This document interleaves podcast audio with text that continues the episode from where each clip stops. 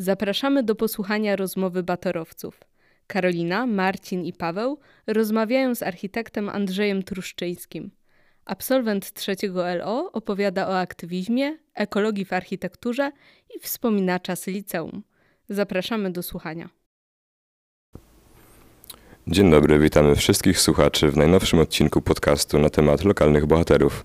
Jest dzisiaj z nami Andrzej Truszczyński, architekt, laureat wielu nagród, w tym nagrody 40 e, architektów przed 40.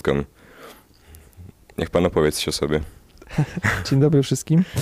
E, no, tak już ten wstęp jest zasadniczy, czyli e, zajmuję się architekturą, jestem architektem. E, no, zrobiłem doktorat z grywalizacji też w temacie architektury. Mm, no i prywatnie jestem pilotem samolotowym, także latam sobie to tu, to tam. Dziękuję bardzo. Jest tu także ze mną Karolina Boślak, Marcin Miękina i ja, czyli Paweł Noster. E, my będziemy dzisiaj prowadzić ten podcast. E, dobrze, no to może zaczniemy od wstępu, już zaczniemy od pierwszego pytania. Czy uważa się pan za aktywistę?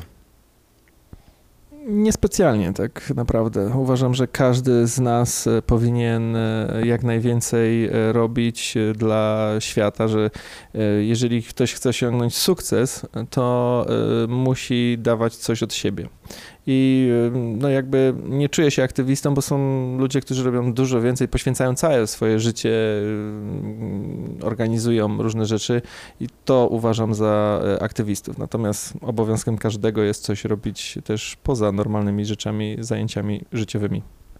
Myślę, że patrząc na całokształt Pana działalności, możemy też zauważyć, że jednak angażuje się Pan w takie różne projekty. Na przykład moją uwagę bardzo zwróciło to, e, że w swoich projektach często Pan odwołuje się jakby do mm, kwestii ekologii, że bardzo Pan dba o to, żeby e, rozwiązania techniczne, które Pan wprowadza, były w zgodzie z naturą. I chciałam tutaj właśnie spytać, e, czy czuje się Pan bardzo blisko związany z tą ekologią, czy jest to taki drugi aspekt? No, lubię się nazywać e, architekci dla klimatu, e, takie mamy miano. E, myślę, że no, faktem jest, że mamy czasy, w których trwa katastrofa klimatyczna i pytanie, na ile uda nam się ten świat trochę uratować, jak duże będą skutki tej katastrofy. No, robię wszystko, co w mojej mocy, żeby to naprawić.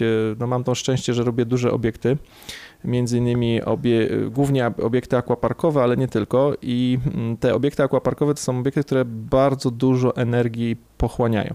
I stąd było takie podejście, czy można coś z tym zrobić, zwłaszcza, że Polska ogólnie to jest kraj, w który jest pełny możliwości. My wiele rzeczy po prostu budujemy od nowa, więc jak już budujemy od nowa, to zróbmy to dobrze. I taki park wodny w Tychach na przykład to jest obiekt, który jest ewenementem skali Europy, bo to jest obiekt, który produkuje dwa razy więcej energii niż zużywa. Tego po prostu nie ma. I te szanse nastąpiły tylko dlatego, że tworzyliśmy nowy obiekt. Tworzyliśmy też w Europie różne obiekty, tylko tam już jest jakby odtwarzanie, a my dzisiaj stoimy przed wielką szansą. No, mamy w tej chwili kryzys energetyczny związany z wojną i to też jest szansa, tak? Szansa na zmianę naszego spojrzenia na węgiel, na inne rzeczy. Yy, jedni chcą wydobywać więcej, ryzykując życie, a drudzy po prostu myślą o mo możliwościach zmiany tej energetyki. No i w tej chwili właśnie chociażby wczoraj rozmawiałem o e, projekcie pozyskiwania biowodoru i e, właśnie z, żyjątek tam bakterii czy innych rzeczy i, i rozwijania jeszcze tego, co osiągnęliśmy w Tychach. E, robię też, e, przygotowujemy się teraz do takiego tematu w Rzeszowie, tam też są szanse na to, żeby propagować te dobre rozwiązania i jeżeli wszyscy będziemy dążyć do poprawy, bo każdy w swojej skali, to są szanse, że zminimalizujemy tą katastrofę i jakoś damy radę. Chciałem tak jeszcze wrócić i zapytać, e, czy mógłby Pan pokrótce wyjaśnić, e, w jaki sposób ten obiekt produkuje dwa razy więcej energii niż, niż jej zużywa, bo to bardzo wydaje się ciekawe. To jest bardzo ciekawe.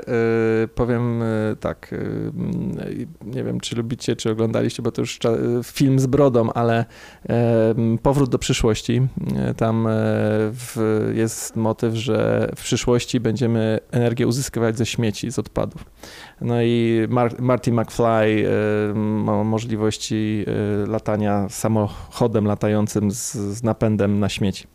I to jest powiedzmy pewna utopijna, czy, czy Mad Max 3 y, pod kopułą gromu, gdzie świnie produkowały po prostu y, y, odchody i te odchody tworzyły metan i z tego uzyskiwaliśmy energię. Tak w skrócie stworzyliśmy bo to dwa razy więcej energii produkuje, to jest takie proste dla wszystkich ludzi, ale ja to nazywam perpetuum mobile, bo tak naprawdę jest to cykl zamknięty.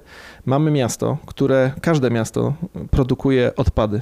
Wszyscy. I to jest energia, którą moglibyśmy wykorzystywać, a tak bardzo słabo ją wykorzystujemy. To jest smutne. E, odpady od miasta są kierowane do czyszczalni ścieków, prawda? Bo potrzebujemy świeżej wody. Tam na tej oczyszczalni dochodzi do e, rozpadu na wodę i faktycznie te wszystkie ekstrementa i, i odpady. One są biologicznie czynne, czyli e, gerują i z tego powstaje metan. Metan jest jeszcze gorszym gazem niż dwutlenek węgla, jeszcze bardziej negatywnie wpływa na środowisko. My ten cały metan zbieramy, jak również dwutlenek węgla magazynujemy go w specjalnych kopułach, gdzie ten metan jest skraplany i oczyszczany z dwutlenku węgla. Ten dwutlenek węgla jest wkładany do alg. Te algi są nimi karmione i one produkują jeszcze więcej tego metanu, więc wzbogacamy ten metan, a obecnie właśnie tworzymy, mm, bo powstaje też wodór, dlatego powstaje też biowodór, e, więc te paliwo może będziemy wykorzystywać właśnie do autobusów wodorowych. E, mamy nadzieję. I mm, e, z tej oczyszczalni uzyskujemy ciepło, uzyskujemy e, metan wzbogacony, czyli biogaz i ten biogaz 6-kilometrowym rurociągiem został dociągnięty do naszego aquaparku. W aquaparku mamy, aquapark robi trochę za chłodnicę, czyli e, mamy duże zbiorniki z wodą, które trzeba ogrzać i one są tym naszym buforem. My tam mamy system trigeneracji, czyli e, takie silniki e, spalinowe, które wykorzystują ten biogaz, dokonują wytworzenia z tego biogazu na miejscu energii elektrycznej, energii cieplnej lub chłodu w zależności od potrzeby. Te ciepło normalnie byłoby odpadem, a my ten, ten odpad zagospodarowujemy i ogrzewamy wszystkie niecki, do tego jest tam najlepsza temperatura ze wszystkich aquaparków, chociaż rudę też projektowaliśmy, to tak na marginesie. I mm, te ciepło mm, nadmiarowe latem, bo latem nie potrzeba aż tak dużo energii cieplnej, mamy węzeł cieplny i ogrzewamy jedną siódmą miasta Tychów, tam dostarczamy ciepło e, i e, wyprodukowaliśmy tyle energii, że zasililiśmy w zasadzie wszystkie trolejbusy w mieście jeżdżą na naszej energii elektrycznej plus cały nasz obiekt. Krótko mówiąc, e, cykl się zamknął, czyli ci, którzy wyprodukowali ścieki, odpady, dostali energię, którą sami wyprodukowali, no i obiekt się zamknął. No i tak mamy perpetuum mobile. I można sobie pomyśleć, ile energii w całej Polsce nam się tu traci, energii, którą sami generujemy w toaletach i nie tylko. I to jest, y, no to jest ten XXI wiek i to są te szanse, które my mamy, bo tworzymy, dzięki Unii Europejskiej stworzyliśmy nowe systemy y, oczyszczalni ścieków. Tego nie było. Na zachodzie to już wszystko jest jakieś stare i ciężko to modernizować, a my to mamy, my możemy to robić. Więc ten potencjał, jaki ten kraj ma, jest niesamowity i trzeba z niego korzystać tu i teraz. Dobrze, może jeszcze zejdźmy na chwilę poza temat architektury. To było skomplikowane, no. Ale przede wszystkim jest tu pan też z powodu dlatego, że jest pan absolwentem naszej szkoły, tak? Trzeciego Liceum Ogólnokształcącego w imienia Nowotorego. Więc może mógłby coś o pan opowiedzieć, jakie miał pan odczucia w naszej szkole? Dlaczego wybrał pan naszą szkołę? Batory Forever. E, no, e, mogę powiedzieć tyle, że e, to była najlepsza szkoła, to jest najlepsza szkoła i to będzie najlepsza szkoła. A tak szczerze, no to powiem tyle, że mm, to była szkoła w moim czasie jedyna w okolicy, która miała profile to już pokazywało, że to jest inna szkoła niż pozostałe. Ona dawała możliwości rozwoju.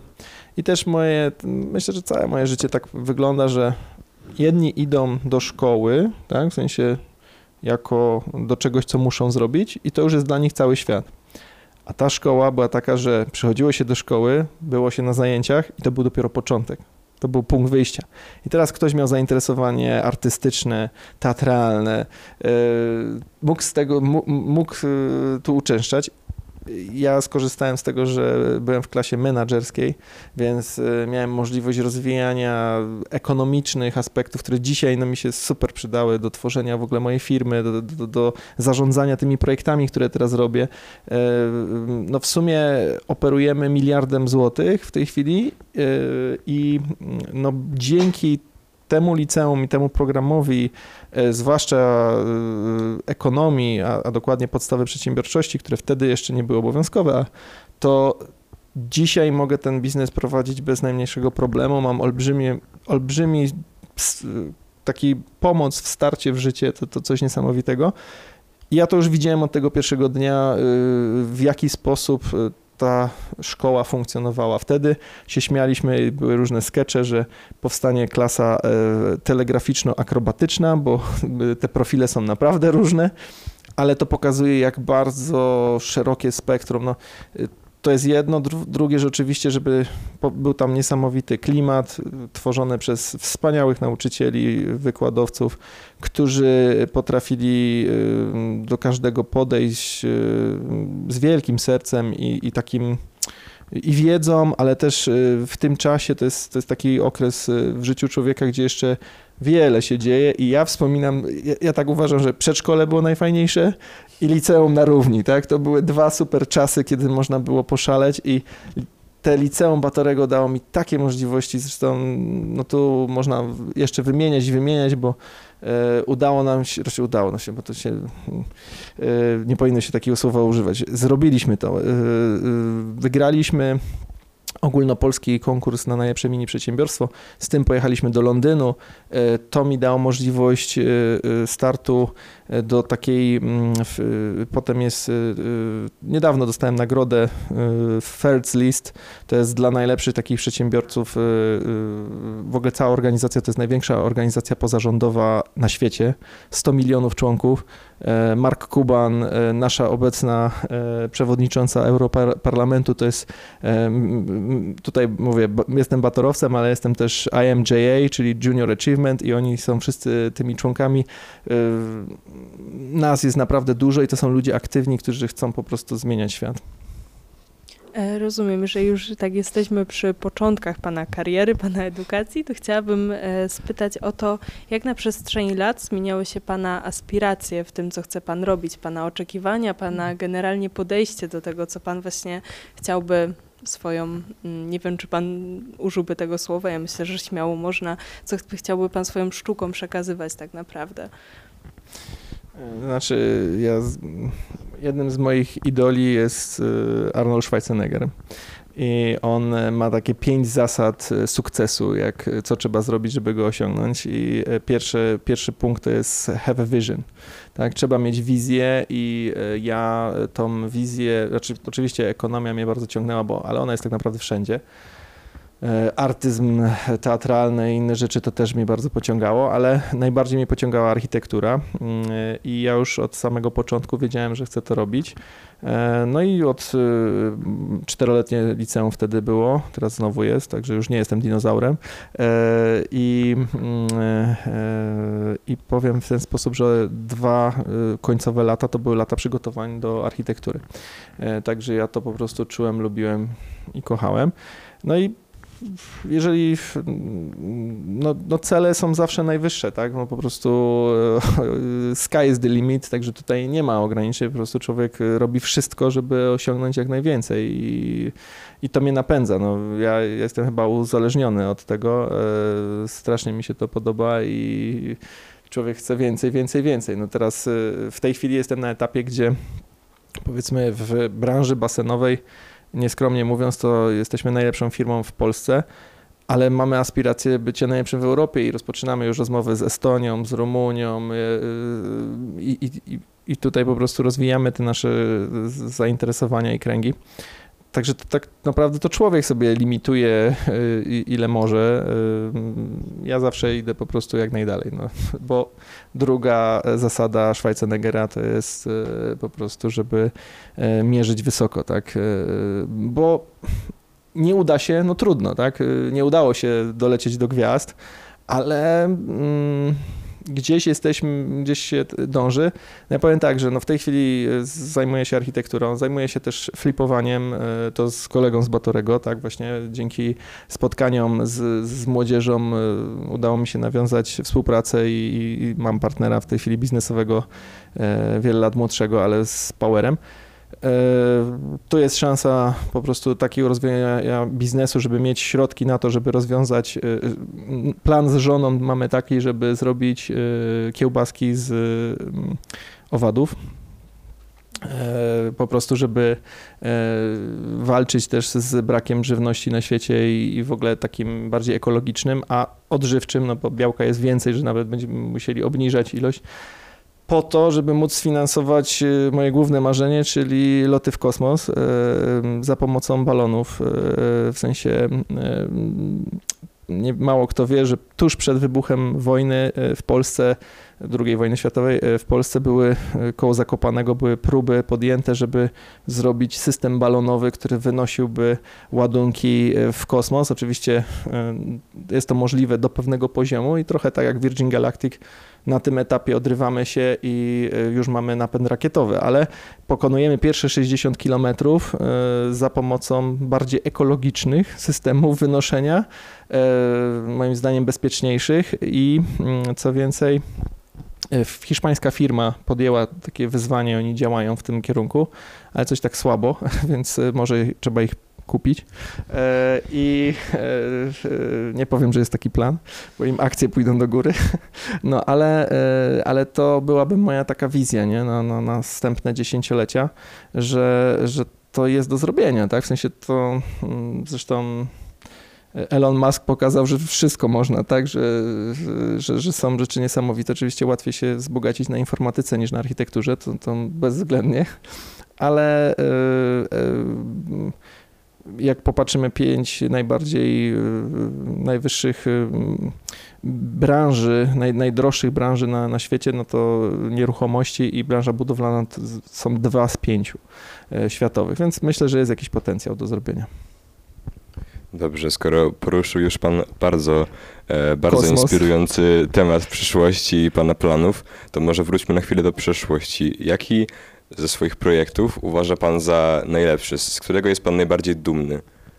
E, no to no wiadomo, że z dzieci. E, to jest najlepszy projekt e, życia i, i tutaj daje, dający dużo satysfakcji, ale rozumiem, że chodzi o projekty bardziej przyziemne. Tak, tak, architektoniczne. Ja powiem tak, że każdy kolejny projekt jest lepszy i Zrobiliśmy obiekt, e, w sensie ja i zespół, zrobiliśmy obiekt w Chełmie, który był wart 30 milionów i to był bardzo fajny obiekt. Super inwestorzy, do dzisiaj jesteśmy przyjaciółmi. Potem zrobiliśmy obiekt, e, czy równolegle robiliśmy obiekt e, w Tychach 100 milionów i wszyscy mówili, że to już, to już jest po prostu, doszliśmy do, do, do limitu, bo co można tu więcej zrobić. No a w tej chwili Właśnie kończę obiekt w no, takiej dziwnej nazwie Fabryka Wody, ale to jest po prostu obiekt aquaparkowy z centrum edukacyjnym. No i tam jest budżet już prawie 400 milionów i on jest dwukrotnie większy. On ma z, z, po pierwsze, że udało mi się wdrożyć edukację, bo bardzo dla mnie jest ważne edukowanie świata, a ostatnie lata pandemii pokazało nam, e, że edukacja by się przydała. E, I no, muszę powiedzieć, że dążymy do tego, żeby każdy obiekt właśnie był w tych najwyższych standardach i każdy obiekt jest fajniejszy. Nie? Teraz robimy kolejne dwa i, one są jeszcze ciekawsze, nie? więc ja, to, to, na pewno jest tak, że jeszcze te najlepsze projekty przede mną, przynajmniej tak e, chcę wierzyć, bo no, sky is the limit, nie? Także jeszcze, jeszcze mam parę lat do projektowania i, i, i myślę, że to tak w, tym, w ten desen idzie. Dobrze. Y, wspomniał również Pan o tym, że napisał Pan pracę naukową na temat grywalizacji i czy mógłby Pan przybliżyć ten termin? Co to znaczy? E, gamification, e, czyli e, wykorzystywanie tech, socjotechnik czy tech, takich mm, metod mobilizacyjnych, które są stosowane w grach, w sytuacjach, które grami nie są. Czyli e, mówimy o, mm, umiejętności, e, bo raz, że no, ja na przykład nie lubię biegać, ale jak gram w kosza albo w piłkę nożną, to biegam jak głupi, nie? I to pokazuje, że jeżeli e, jakąś czynność obłożymy grą, to znacznie lepiej nam się to realizuje. I taka była moja, taki był mój pomysł, czyli nauka poprzez zabawę. Czyli w Tychach po raz pierwszy stworzyliśmy tutaj zespołem grywalizację w, w architektury w aquaparku, gdzie um, uczestnicy mogą um, grać w grę, żeby się też trochę pobawić, e, ale też pouczyć. E, jest to takie ekoedukacja, że warto jest oszczędzać wodę i tym podobne. Natomiast y, to była wersja 1.0. W Szczecinie robimy już wersję 2.0, która wchodzi po prostu już w kosmos i tam e, e, naprawdę ta gra jest połączona jeszcze z lokalnymi aspektami historycznymi miejsca, czyli Szczecina. Y, możemy to połączyć z tymi obiektami edukacji, które już istnieją w Szczecinie. A w tej chwili przymierzamy się do poziomu 3.0, bo w Szczecinie zrobiliśmy centrum edukacyjne. Zamiast przewodników takich tradycyjnych wykorzystujemy najbardziej znanych naukowych youtuberów. I nasz nowy pomysł na edukację grywalizacji 3.0 to jest scalenie tych dwóch rzeczy, czyli stworzenie platformy do zabawy, ale z tymi właśnie youtuberami i z takimi bardziej naukowymi elementami na śmiesznie i w ogóle no, cyfryzacja w końcu wchodzi w architekturę. E, rozumiem. Ja chciałam też trochę spytać o to, bo cały czas rozmawiamy e, też mocno o Pana nowych projektach, o tym, co Pan planuje, a ja chciałam spytać, co Pan na przykład czuje patrząc na swoje stare projekty? Jakie Pan ma odczucia, jakie błędy Pan widzi? I gdyby Pan miał taką możliwość, żeby powiedzieć sobie coś sobie, wersji hmm. siebie sprzed tych paru lat, jakich błędów by Pan sobie na przykład odradził? W tworzeniu? No, po pierwsze, to projekty to są jak dzieci, czyli my je kochamy i, i każdy autor ma taką więź z projektem, chciałby, żeby ten projekt się jak najbardziej rozwijał i, i był jak najlepszy. No, mm, od 10 lat pracowałem nad projektem w Tychach, bo 7 maja wygraliśmy konkurs 2012 roku. W tej chwili rozbudowujemy go znowu i cały czas mamy z nim kontakt, także ten kontakt jest bliski. No i akurat wczoraj rozmawiałem z inwestorem o błędach popełnionych. No, ja powiem tak, że każdy z projektów architektonicznych, przynajmniej nasze, nasze obiekty architektoniczne, to jest prototyp. I um, nie nazwałbym tego błędem, a bardziej na zasadzie doświadczeniem e, takim e, z użytkowania. I na przykład jak mamy samochód, nie wiem, powiedzmy Volkswagena, oni tam czepią, nie wiem, 5 milionów samochodów rocznie, to i tak robią akcje serwisowe, y, są jakieś tam y, problemy i trzeba y, te, te, samochody naprawić. A my tworzymy jeden wyjątkowy obiekt, który składa się z milionów kabli, central wentylacyjnych, obiegów basenowych, no tysiąca sprzętu. Nad takim projektem pracuje 100 osób, jeśli chodzi o projektantów, bo oczywiście to są przepraszam, są... O. Aż mi zaschło. E, przepraszam. E, są architekci, ale są też i branżowcy typu właśnie od central wentylacyjnych. No i e, każdy może gdzieś tam się pomylić, e, ale właśnie wczoraj na spotkaniu inwestor powiedział, że zlecił audyt, żeby poprawić jeszcze energetyczność tego obiektu i w temacie wody audytor nie znalazł żadnych możliwości. Stwierdził, że tak dobrego projektu jeszcze nie widział. Przepraszam. Natomiast y, w temacie y, wentylacji okazało się, że mogliśmy dać więcej czujników i dołożenie 43 chyba czujników na całej y, basenie spowodowało 10% jeszcze poprawienie efektywności energetycznej, czyli no można było tutaj lepiej zrobić. I raz, że to się przekłada na 20 tysięcy złotych oszczędności miesięcznie, także nie mały pieniądz, e, te 10%. E, dwa, że e, poprawił się komfort przebywania w obiekcie, bo mieliśmy problem, że tam w wieży basenowej było trochę ciepło. Natomiast teraz jest to już znacząco poprawione. No i jest to jakieś doświadczenie na przyszłość, które będziemy stosować, bo raz dobrze jest oszczędzać energię, to jest najważniejsze, a dwa, że no, poprawiać te, te, te rozwiązania. Także no, z perspektywy czasu y, są projekty, w których już bym nie wszedł drugi raz.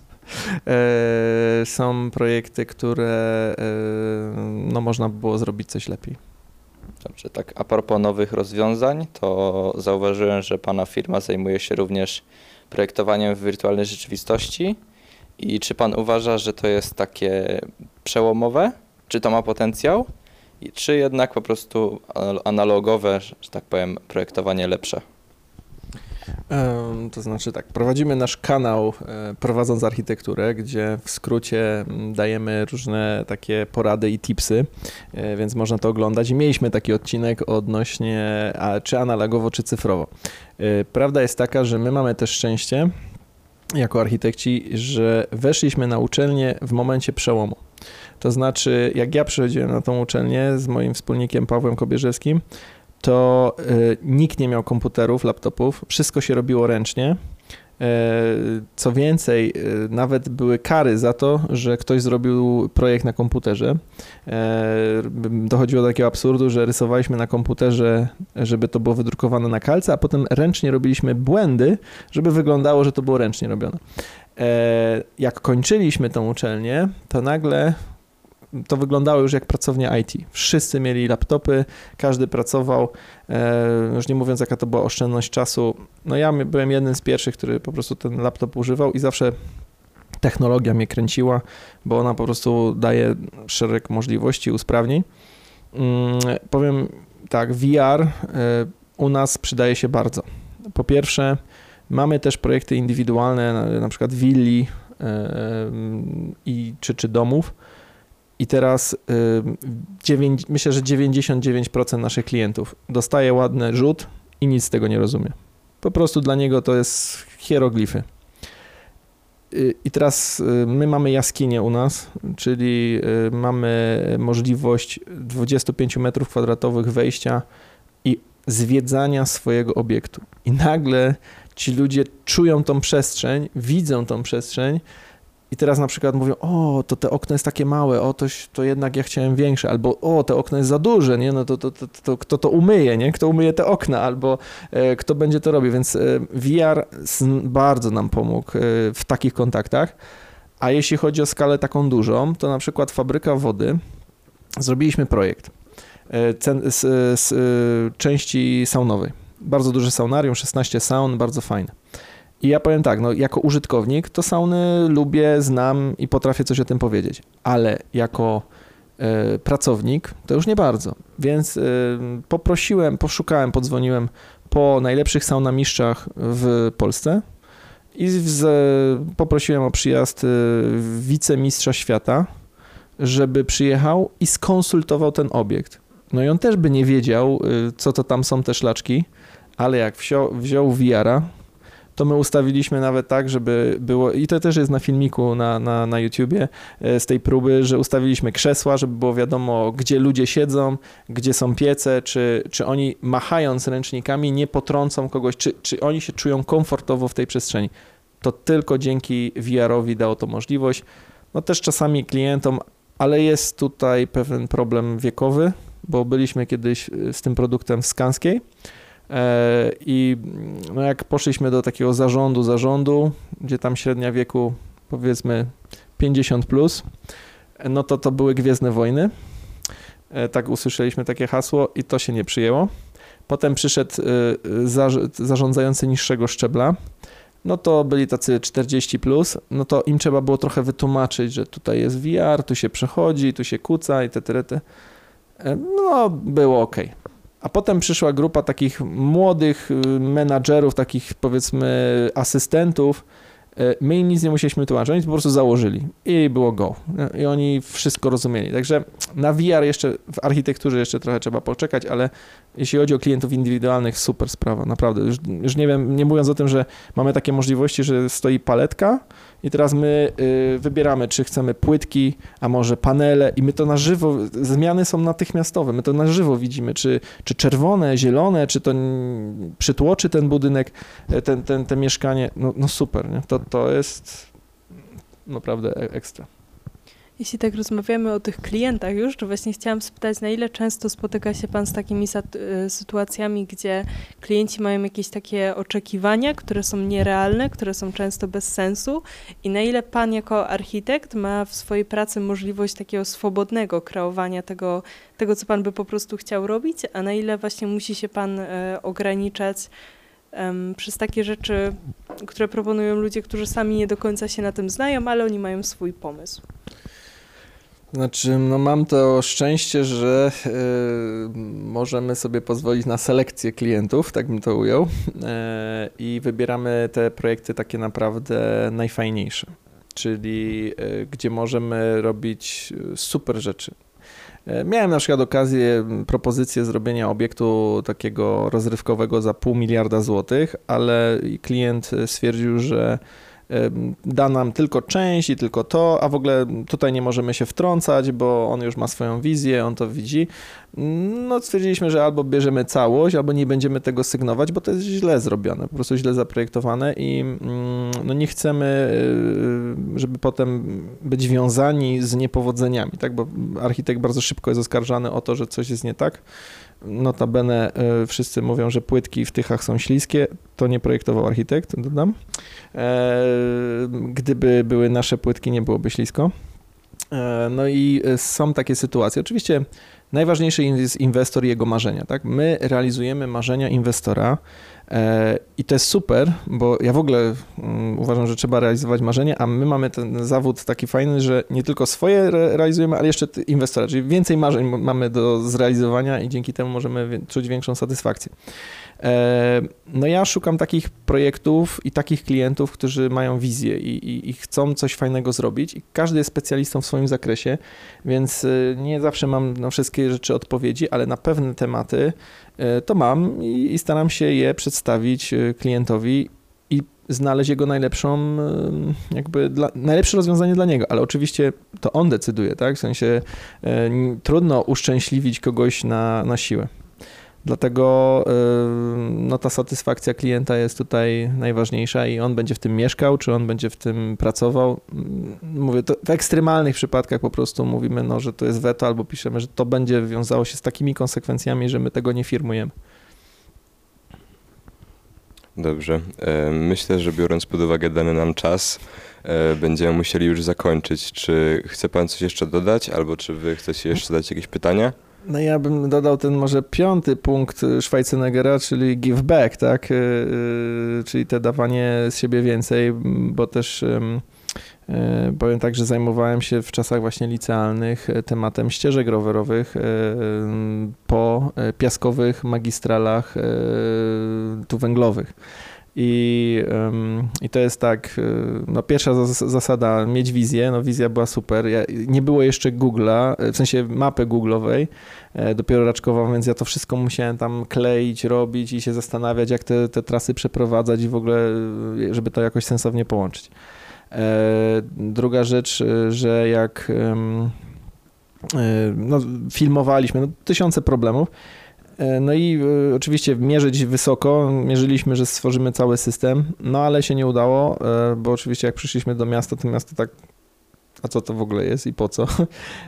No i finał jest taki, że dzisiaj powstała taka ścieżka jedna techniczna, no ona nie jest stricte ścieżką rowerową, ten status jest tam w ogóle tajemniczy dla mnie, ale przynajmniej jest oznakowanie.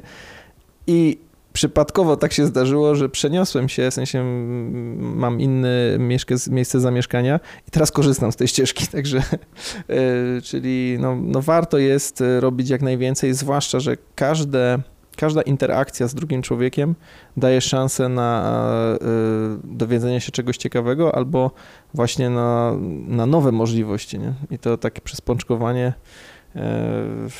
No, Także polecam robić jak najwięcej, bo z każdego kontaktu może coś ciekawego wyniknąć.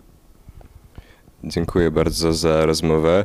E, myślę, że wszyscy zgodzimy się, że fascynując się z Panem rozmawiało. E, a teraz będziemy już kończyć. E, żegnamy wszystkich słuchaczy. Do zobaczenia. Źródło finansowania. Projekt finansowany przez Islandię, Liechtenstein i Norwegię z funduszy EOG w ramach programu Aktywni Obywatele Fundusz Regionalny.